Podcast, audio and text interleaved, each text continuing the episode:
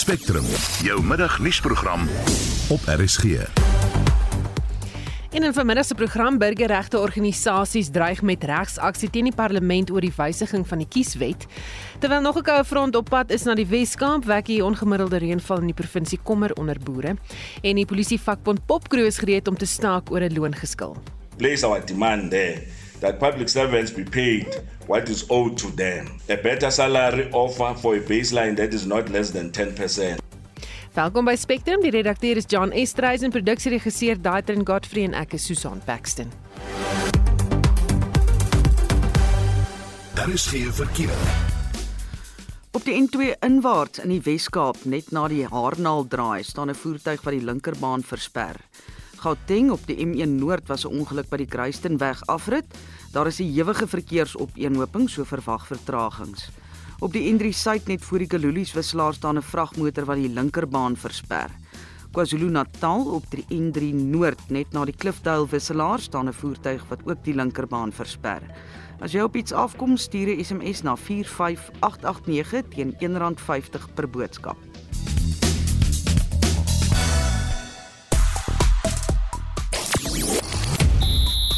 Goeiemiddag Suid-Afrika. Die tweede ronde van die rugby kampioenskap is beslis en lewer 'n uitslag op wat die Bokke nie graag wou hê nie.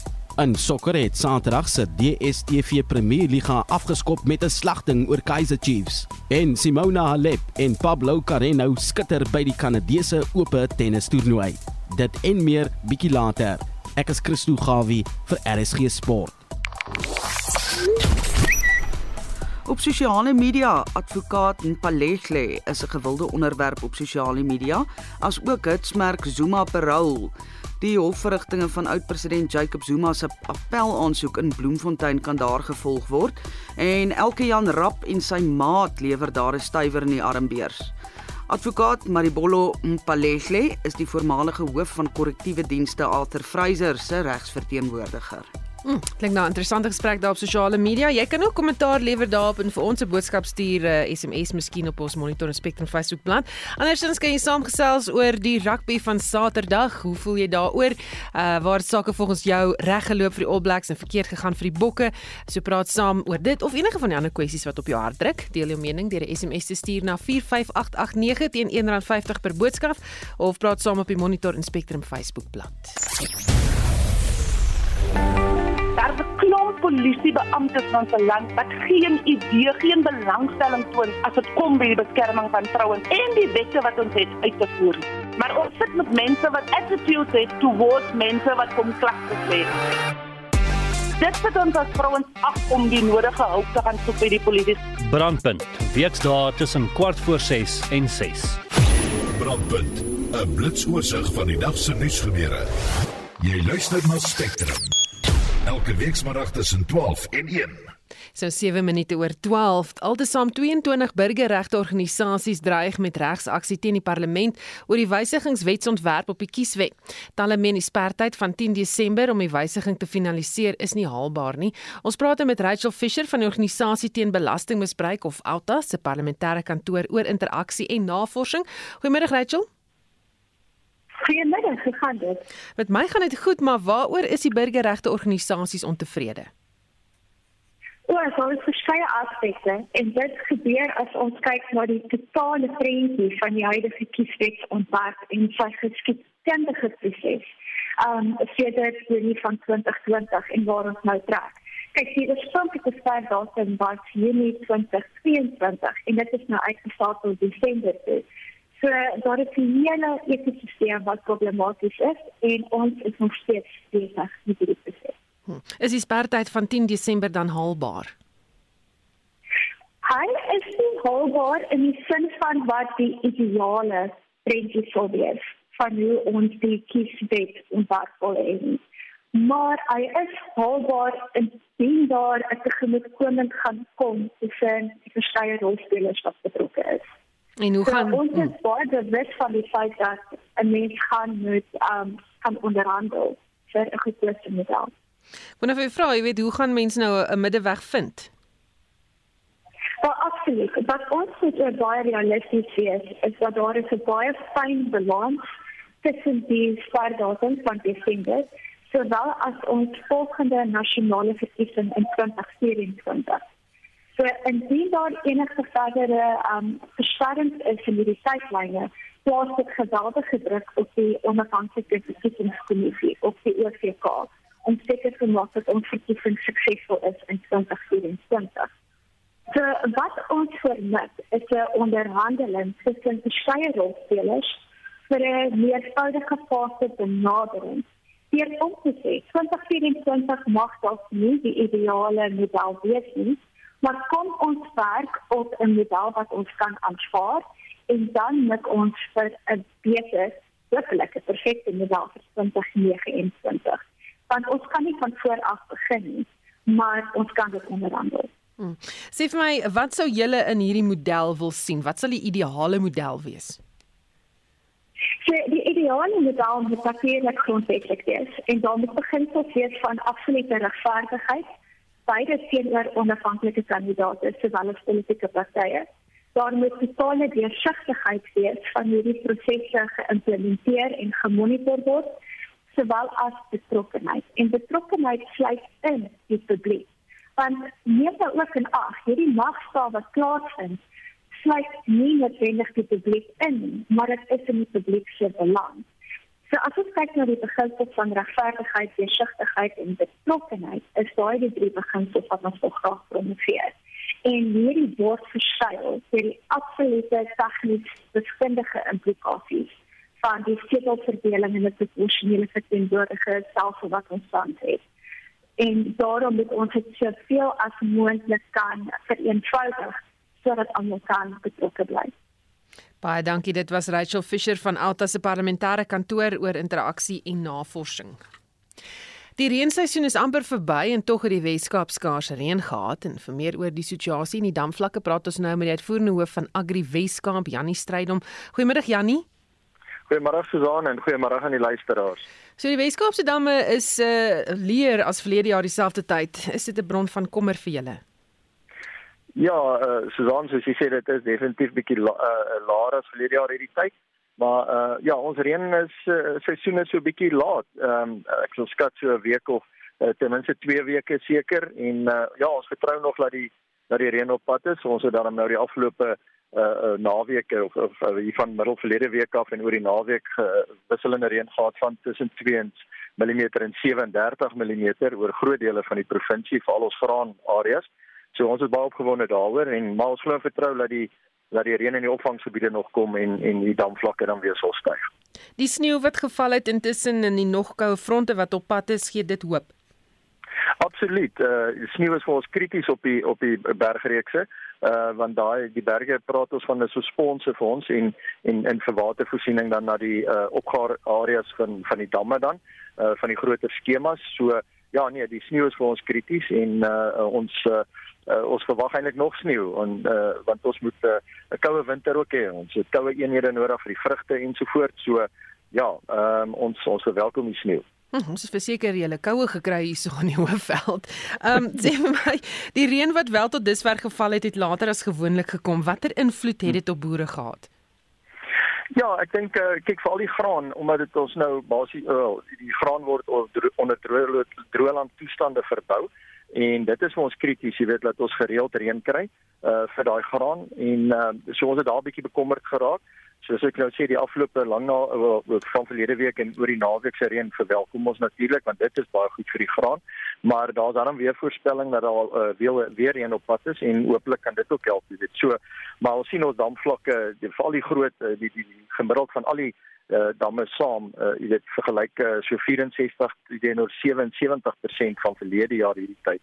So uh, ja, daar's daar's uh, ons is nog nie in die krisis nie Susan, maar ja, ons is so effens bekommerd en en, en hoop ons dat ons dan spoedig daai reën kan kry.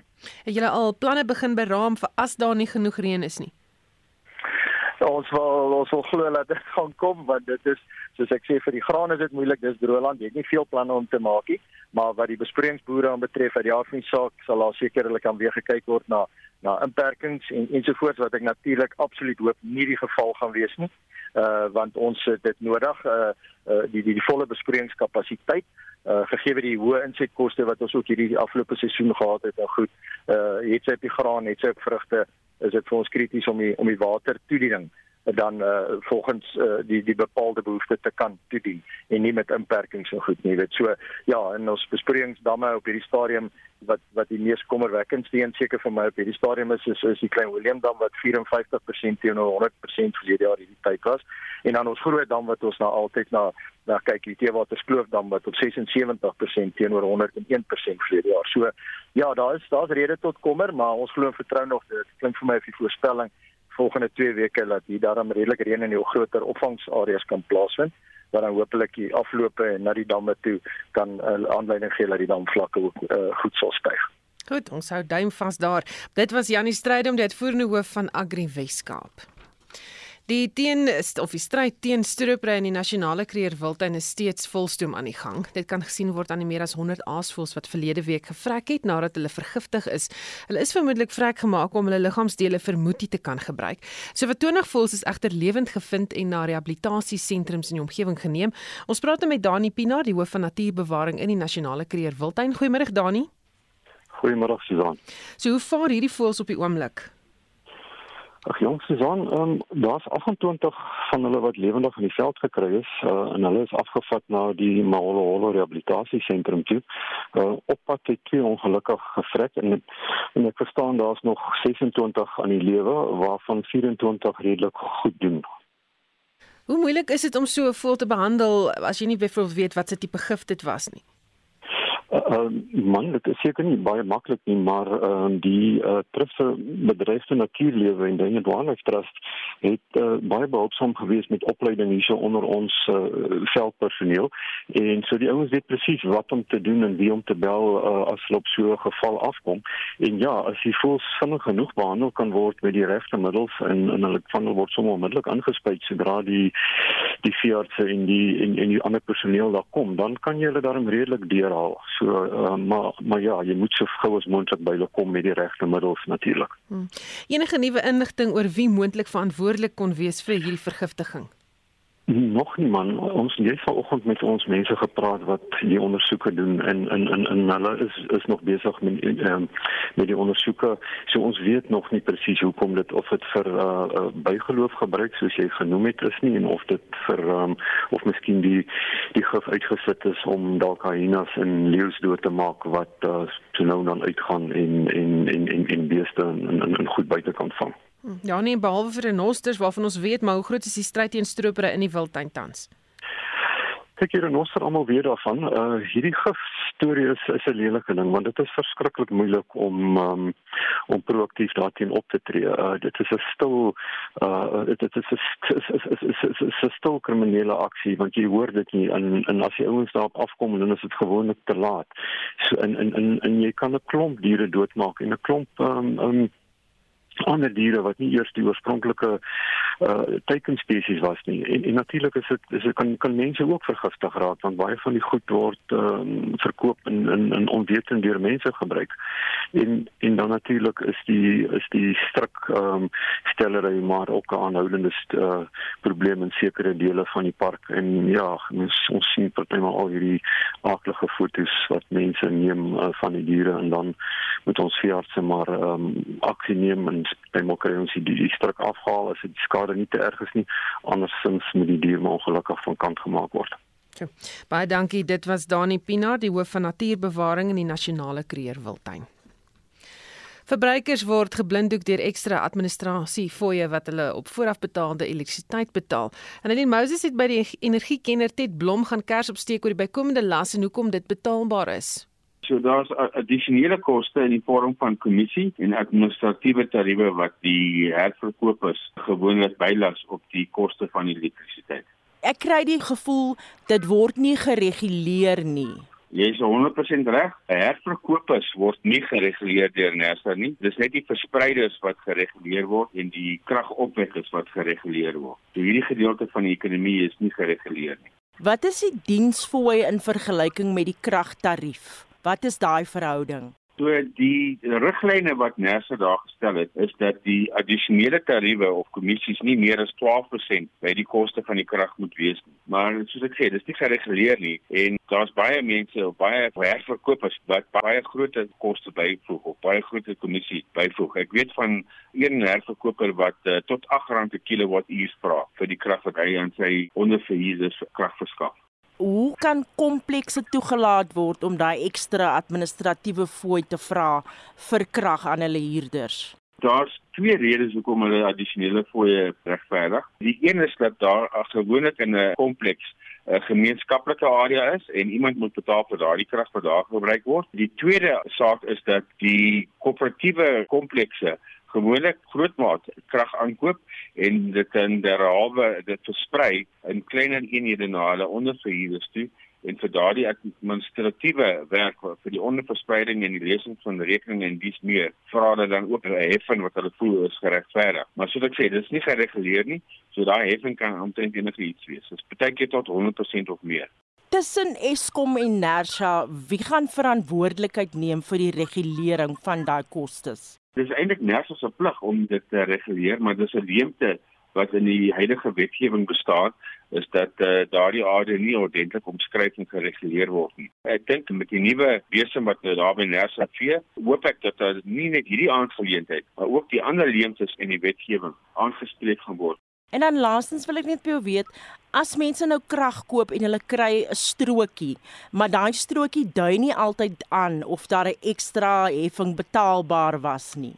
Ja, nee, en dit is die meer algemene geval is dat die strokie net 'n kuponnommer op het en 'n bedrag en jy nie noodwendig uh, kan sien hoe word daardie bedrag saamgestel nie. Volgens wetgewing en die riglyne wat Nersa gepubliseer het, is daar veronderstel om 100% uh, deursigtigheid te wees hoe daardie bedrag saamgestel word. Maar ongelukkig in die praktyk is dit nie die geval nie.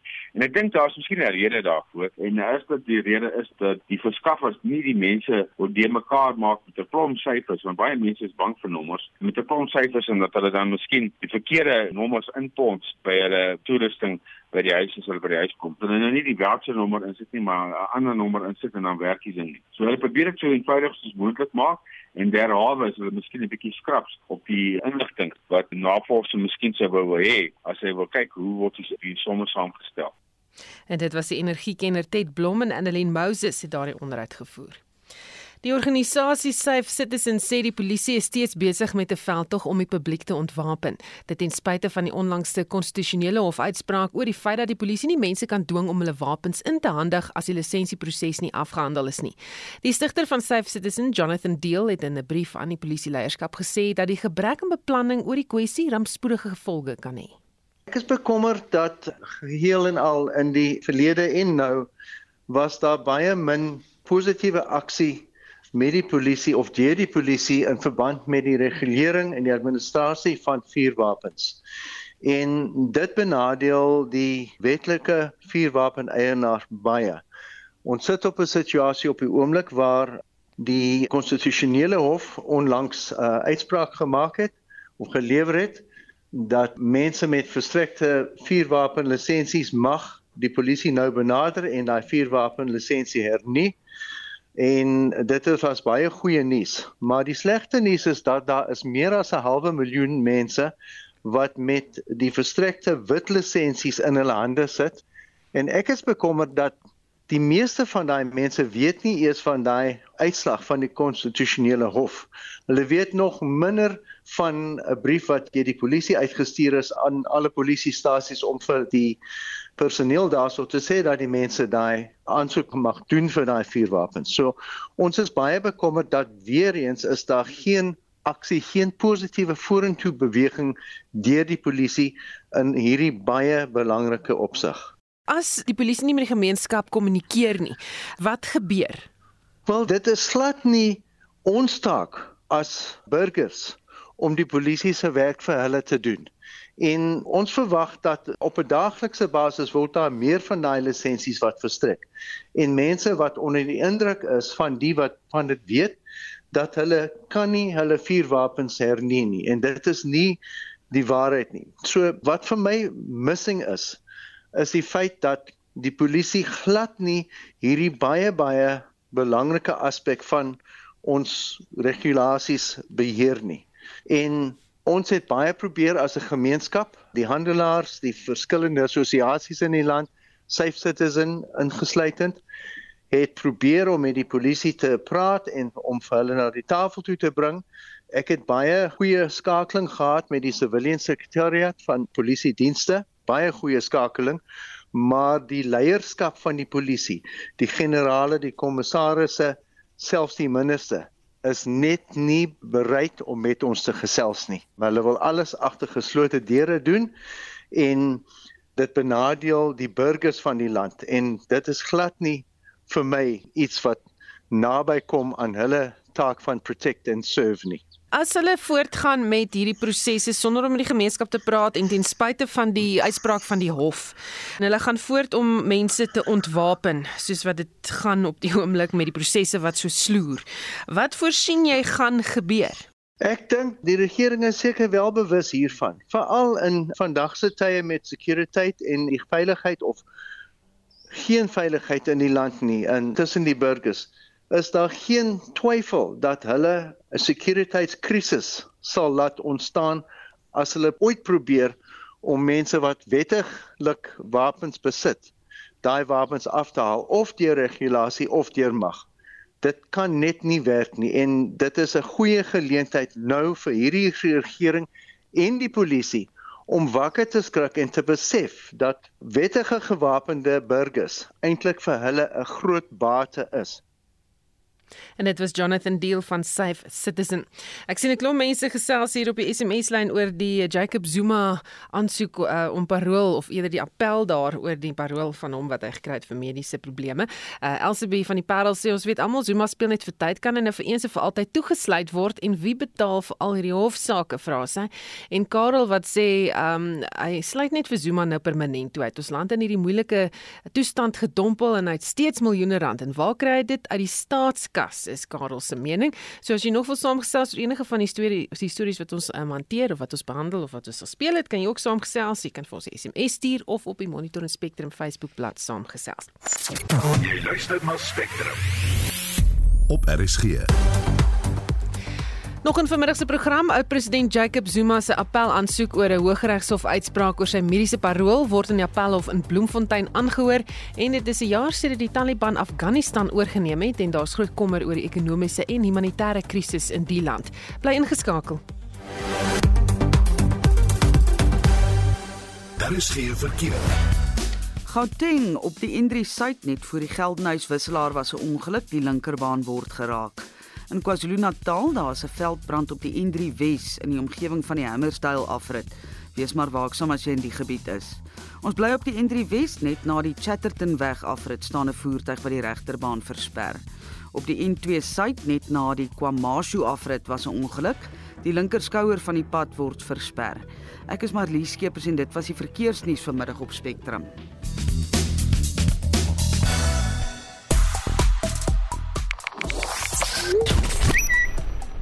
Hitsmerk Miss SA 2022 is steeds een van die gewildste onderwerpe op sosiale media. Dit volg na die kroning van Dawie Nokeri Saterdag aand. Op 'n vraag deur een van die paneellede, advokaat Tuli Madonsela, was Nokeri se antwoord: "Ons kan nie sê ons beweeg vorentoe as 'n nasie nie, terwyl die helfte van die land agtergelaat word nie." Ons gesels uh, oor rugby nog. Ek sien dit is besig op die Monitor en Spectrum Facebook bladsy. Fransjo Du Plessis wat sê jy kan nie twee games agter mekaar met dieselfde patroon speel nie. Die All Blacks het geweet hulle gaan so speel. Daar was geen plan B in plek nie. Die skrimskakel het balbesit weggeskom, maar daar's een span in die wêreld wat jy nooit moet onderskat nie en dit is die All Blacks. Hulle het die bokke teruggebring aarde toe met 'n vraagteken. En dan sê Brenda Kannemeyer, hulle skopwerk het net die bal vir die oppositie gegee om ons stikkend te hardloop of ons terug te jaag in ons speelgebied en Andy Christian Kirstens het net die woord Springboks in hoofletters uitgetik met die vlag van Suid-Afrika, rugbybal en dan 'n 'n stoomgesiggie en 'n rooi gesiggie. Ek neem aan hy's baie kwaad oor wat daar gebeur het. Op die SMS lyn is daar Loret van Mosselbaai wat sê uh, verdiende wen vir Nieu-Seeland, wonderlike wetywering, tog lief vir die bokke. Hulle net ritme kry, sê sy en dan sê nog iemand uh, van George, skrimskakel wat die bal besit wegskop moet uit die span. Daar is 'n losskakel. Nou ja, jy kan steeds saamgesels as jy lus het, ons praat daaroor uh, eh, alles rugby die afgelope naweek.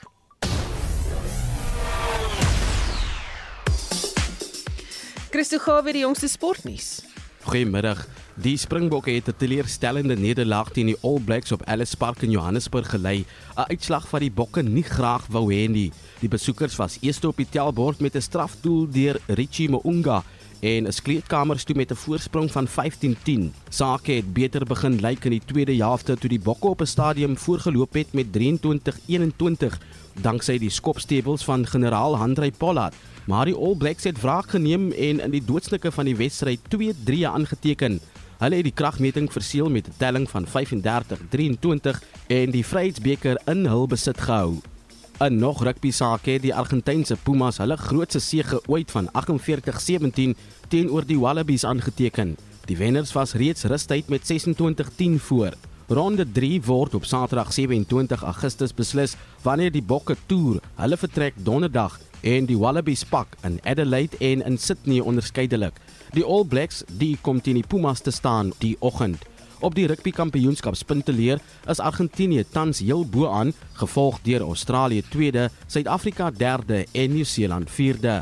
Intussen het die Bok vroue span hulle plek op die wêreldranglys verstewig met 'n oortuigende sege van 44-5 oor Spanje in Johannesburg die afgelope naweek. Die Springbok vroue span is nou in 12de plek bo Japan met wie hy onlangs afgereken het. In sokker het Sundowns vir Kaizer Chiefs gister met 4-0 afgeronsel op Loftus Versveld in Pretoria. Op die Pieter Mokaba Stadion het Golden Arrows gelyk op met 1-1 teen Marumo Gallants gespeel. Stellenbosch het Royal Am met 3-1 geklop op die Dani Kruiven Stadion. Sekokune het teen Richards Bay vasgeval met 1-0 terwyl AmaZulu met 2-1 teenoor Cape Town City geseëvier het. Gister het Chippa United vir Pirates met 1-0 geklop en Galaxy het SuperSport United met 2-0 geklop. Cape Town City sal hulle self aan die gang wil kry môre aand op die Athlone Stadion wanneer hulle teen Maritzburg United te staan kom. Afskop is om 5 namiddag. In Premier Liga sokker het Tottenham en Chelsea gelykop gespeel met 2-1. Nottingham Forest het West Ham met 1-0 geklop. Saterdag het Brentford vir Manchester United met 4-0 afgeronsel.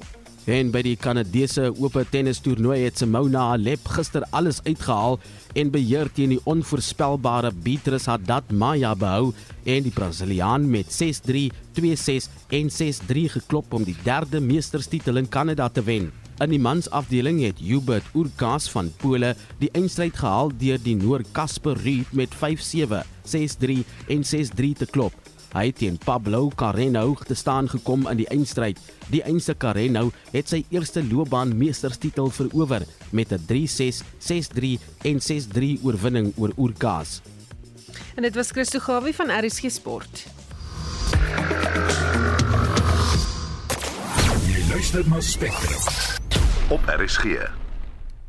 Die Goufront wat oor sekere dele van die land in beweeg het, het sneeu laat val op die Amatole, Drakensberg en die Matroosberge.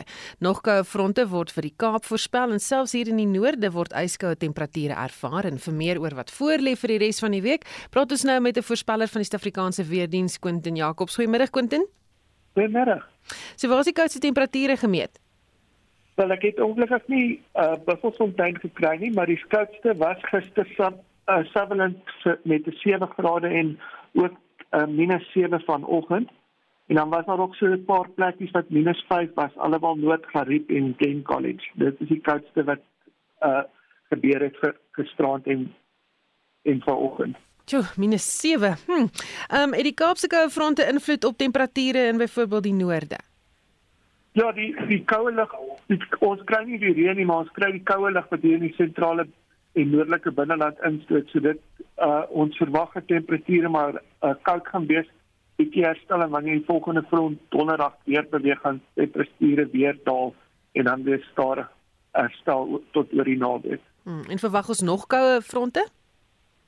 Wel, ek met die ouens in die Kaap gepraat en hulle sê dit sal seker nog maar aan en af aangaan tot die trends Oktober maand, maar ek dink dit gaan weer begin normaal raak soos wat ons soos wat ons in die lente begin ingaan. Maar daar eh, die af en toe koue front is nog steeds op die kaart. Hmm. En eh, weet julle hoeveel reën die Wes-Kaap gehad het en sal dan nog val hier in die laaste dae van Augustus dalk? Wel, ek het met, ek met hulle gepraat het oor die binneland hoogliggende gebiede het hulle so 20 tot 40 mm gekry en langs die kus 10 tot 20 so hulle het goeie reën kry hierdie naweek en dan met die koue front wat nou woensdag aan donderdag weer beweeg verwag hulle nog uh, nog goeie reën veral daar aan die Weskaap so op hierdie stadium blyk dit goed maar die langtermyn voorspelling is maar vir onder normaal seisoen hierdie jaar. Hmm. As jy weer vir ons staan sake vir die res van die week dan weer gewys? Dan wil sê koue front gaan weer beweeg Woensdag aan Donderdag, so dinge gaan weer 'n bietjie koud raak Donderdag Vrydag en dan sal dit so oor die naweek begin herstel. Baie dankie, dit was 'n voorspeller van die Suid-Afrikaanse Weerdiens, Quentin Jacobs. Die polisie vakbond Popcrew dreig met 'n landwyse staking weens 'n geskil oor salarisse. Werknemers eis 'n 10% verhoging terwyl die regering 'n 2% verhoging aanbied. Popcrew beplan om op 20 September 'n optog na die Unie gebou in die kantoor van die Nasionale Tesourie in Pretoria te hou om 'n griefskrif van hulle eise te oorhandig, maar Lies Skeepers berig.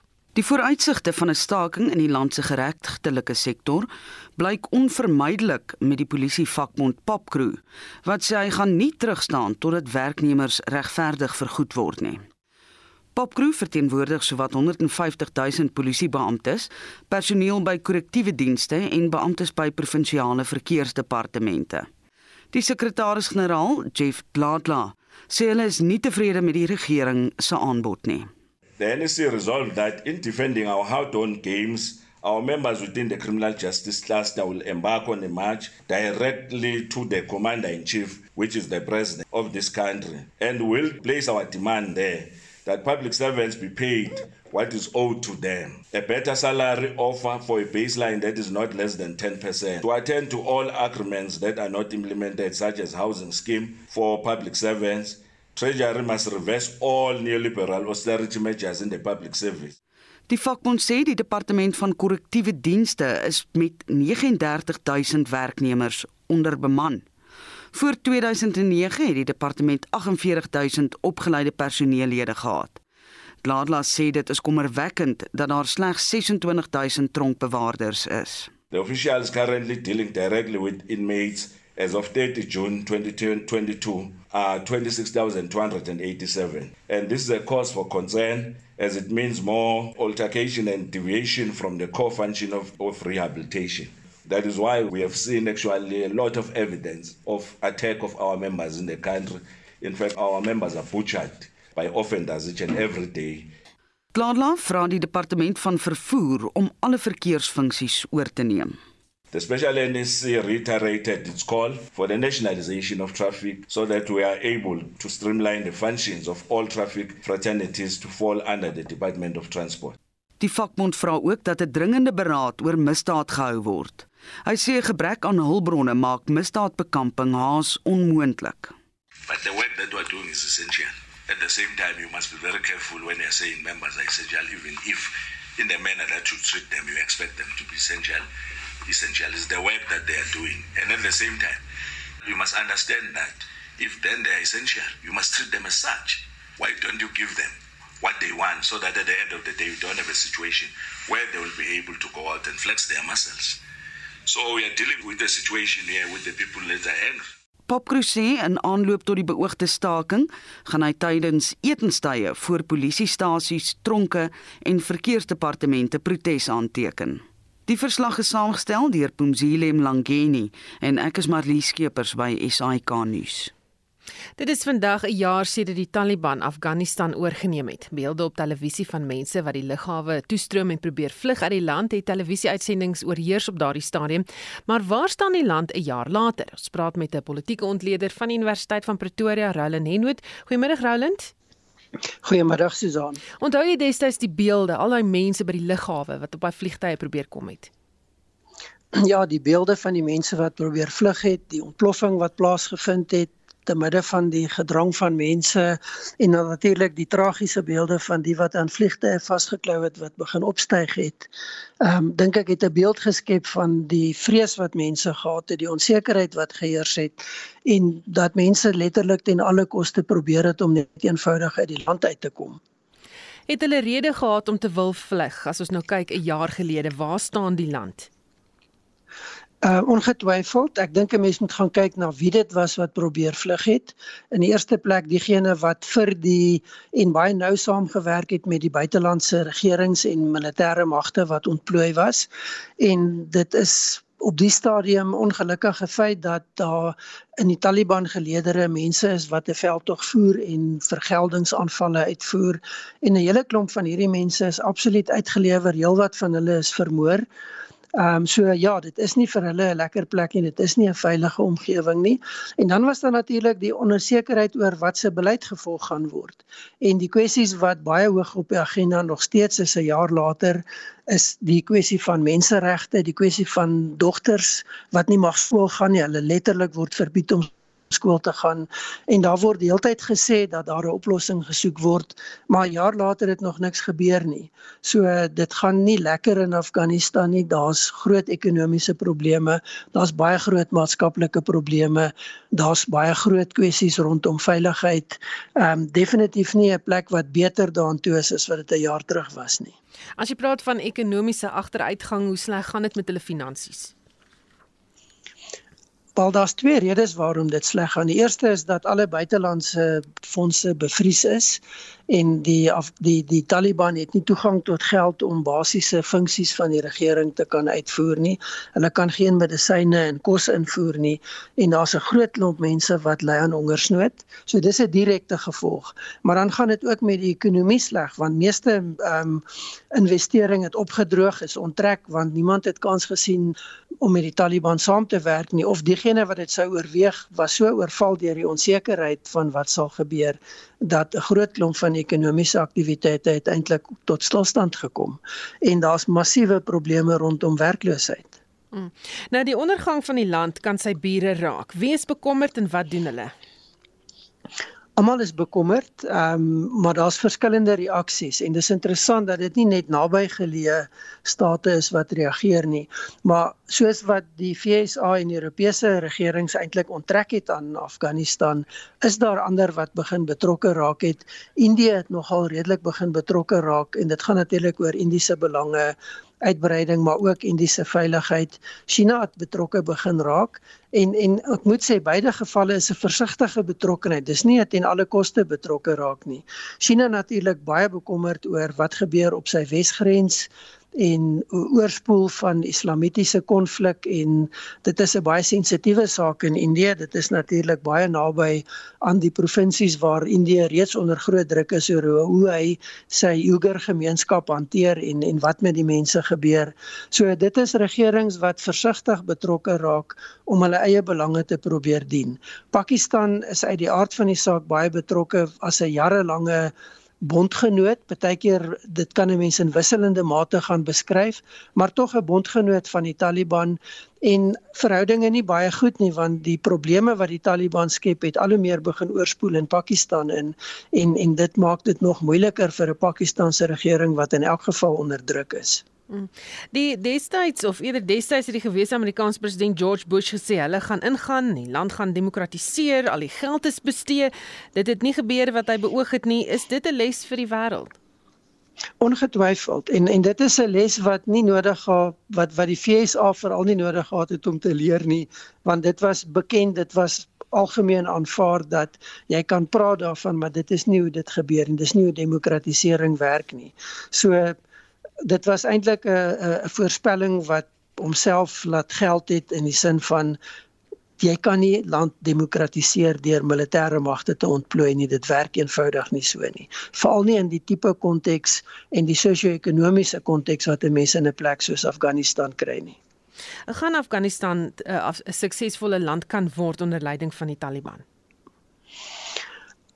waarskynlik net as die Taliban groot veranderinge aanbring. So ek dink die probleem is nie net die feit dat die Taliban is nie, maar dit is die beginsels en die waardes waarop die Taliban sy regering vestig en homself as organisasie wat vele fasette ontsluit. Dis nie 'n enkelvoudige begrip en realiteit nie. Ehm um, dit gaan baie moeilik wees. Die daar sal van wesenlike beginsel standpunte wegbeweeg moet word en dan sal die regering in in wisse leierskap of naam en vir en en en konteks dit funksioneer baie hard moet werk om vertroue te skep dat hulle in staat is om verantwoordelik en goed te regeer. En dit gaan nie oornag gebeur nie. Hmm. Waarop stuur hierdie af? Nog konflik? Waarskynlik in die korttermyn toenemende sosio-ekonomiese ehm um, probleme um en leiding vir die burgers van Afghanistan en en dit gaan 'n mens ook natuurlik struktureer. Dis baie duidelik dat vroue en kinders baie meer onderdruk word en en baie swaarder kry as ander mense. Maar ek dink nie dis 'n een eenvoudige kwessie van net 'n uh, vroue en kinders situasie nie. Dis ook 'n kwessie van daar is net eenvoudig nie die vermoë nie en almal kry swaar. So dit gaan waarskynlik op die kort termyn voortduur. Op die medium termyn gaan dit afhang van watse hervormings kan plaasvind en hoe bereidwillig die leierskap gaan wees om van die harde en fundamentalistiese basis waarop hulle tans funksioneer weg te beweeg. Ehm um, dan kan dit dalk beter begin gaan op die langtermyn.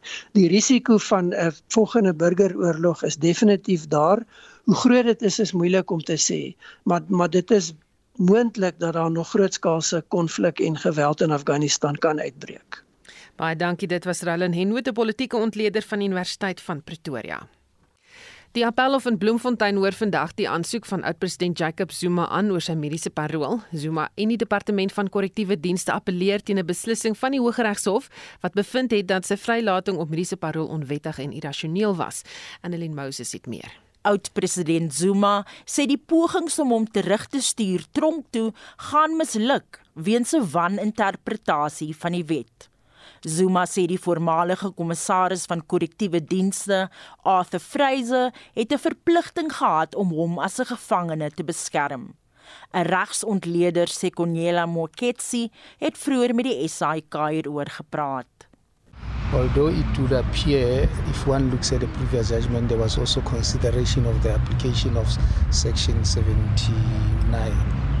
And my view is that Section 79 seems to deal only with medical parole. But this one grants the Section 75.7 grants the National Commissioner powers to make such a determination. So, in as far as that is argued in court, there are prospects of success. In my view, it may depend on what is argued before court 3. Die Helen Suzman Stichting, die DA en AfriForum voer aan dat Zuma nie aan die voorgeskrewe kriteria voldoen het om vrygelaat te word nie. Hulle voer aan dat Fraser verplig was om die aanbeveling van die Adviesraad vir Mediese Parol om Zuma nie vry te laat nie te handhaaf. 'n Regsontleder, Machini Motlong, sê al die partye het 'n punt beet. Applicant for consideration of medical parole must be terminally ill or physically incapacitated. Now, this is one aspect of the requirements which the respondents in this matter, in this appeal, seek to argue that it has not been fully satisfied. In actual fact, they base their arguments on the decision by the Medical Parole Advisory Board. Die DA-leier John Steenhuisen eis dat Zuma sy volle tronkstraf uitdien. We believe that one of the key foundational principles of any democracy is equality before the law. There should be no special treatment for former presidents, and it shouldn't matter whether you're an ordinary citizen or a former president, the law must apply equally to you. We're also pursuing this case vigorously because we are hopeful that following the Zondo Commission of Inquiry, that there will be many more arrests for those involved in state capture, and we want to close off this farcical loophole of medical parole to ensure that those people do not slip out of the net. Die verslag is saamgestel deur Apumelele Mdlalani in Bloemfontein en ek is Annelien Moses vir SAK nuus. Annelien het ook vir ons 'n oorsig van die laaste uur se ontwikkelende nuusstories. Ja, Susan, 22 burgerregteorganisasies dreig die parlement met regstappe oor die wysigingswetsontwerp met betrekking tot die kieswet. Hulle is van mening dat die spertyd van 10 Desember nie sal realiseer nie. Rachel Fisher van die organisasie teen belastingmisbruik, oftewel OUTA, verduidelik wat hulle ideale is. Die ideale model moet natuurlik grondwetlik wees en daar moet beginsels wees van absolute regverdigheid beide teenoor onafhanklike kandidaate sowel as politieke partye. Daar moet totale deursigtigheid wees van hoe die prosesse geïmplementeer en gemonitor word sowel as betrokkenheid. En betrokkenheid sluit in die publiek. Want neem nou ook in ag, hierdie magstaal wat plaasvind, sluit nie noodwendig die publiek in, maar dit is in die publiek se belang. Daar is kommer onder boere in die Wes-Kaap omdat die reenseisoen uitreeds einde se kant toe staan. Ons het gepraat met die uitvoerende hoof van Agri Wes-Kaap, Janie Strydom wat die mees kommerwekkendste een seker vir my op hierdie stadium is is, is die klein Willem dam wat 54% teenoor 100% verlede jaar hierdie tyd was en dan ons groot dam wat ons nou altyd na na kyk die Teewater Skloof dam wat op 76% teenoor 101% verlede jaar. So ja, daar is daar's rede tot kommer, maar ons glo vertrou nog dit klink vir my of die voorspelling volgende 2 weke dat hier daarom redelik reën in die groter opvangsareas kan plaasvind wat dan hopelik die afloope na die damme toe kan 'n uh, aanleiding gee dat die damvlakke ook uh, goed sal styg. En verbruikers kan na regte die Josie inwees vir kragherverkopers wat hulle niks vermoedend uitbuit wanneer hulle vooraf betaalde elektrisiteit koop.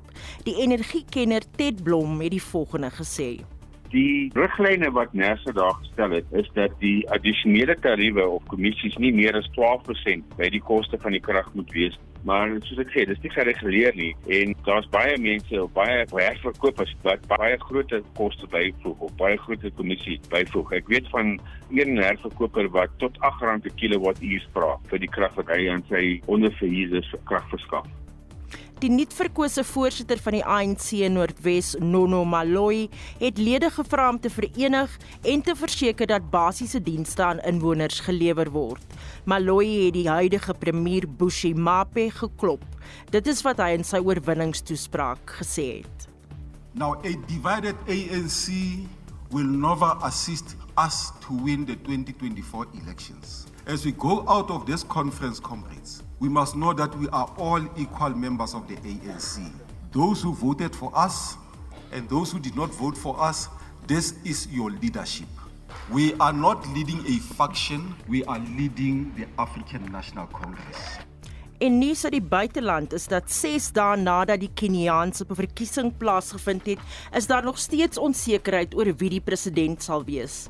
Die stadige telproses veroorsaak groot spanning onder Keniane. Oor die naweek moes onluste polisie ontplooi word nadat 'n skare by 'n stemlokaal oproerig geraak het. Die adjunk president William Ruto is 'n kort kop voor sy teenstander Raila Odinga. Die uitslaa word teen môre verwag. En dit was Annelien Moses met 'n oorsig van die dag se ontwikkelende nuusgebeure.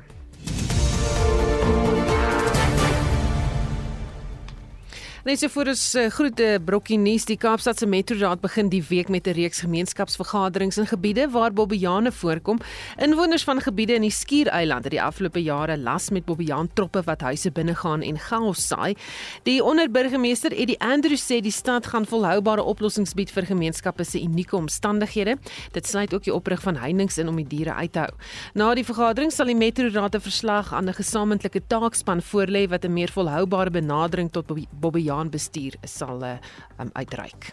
En dan ook so vir ons groet mense wat dan saamgesels, iemand wat sê dat 'n uh, Bolander wat sê dit kan nog tot einde Oktober nog in die Boland sneeu, dis 'n aanleiding van ons storie oor die reën. En iemand wat sê voormalige kapteins of kapteins eerder help asof die kap, asseblief die kaptein van die rugbyspan en bestuur om die spel korrek te lees en dan strategies te verander en nie pateties voor te ploeter nie. Dink net as dit 'n oorlog was. Dis baie pateties sê die persoon. En dan sê Dries, uh, ek het gedink die polisie staak al lankal. Het hulle jare laas gesien. Aidries. daarmee groet die Spectrum span. Dis nou namens ons uitvoerende regisseur Nicoline de Wee, die redakteur John Estreisen en die produksieregisseur is Daitrin Godfrey. Ek is Susan Paxton, bly geskakel vir 360.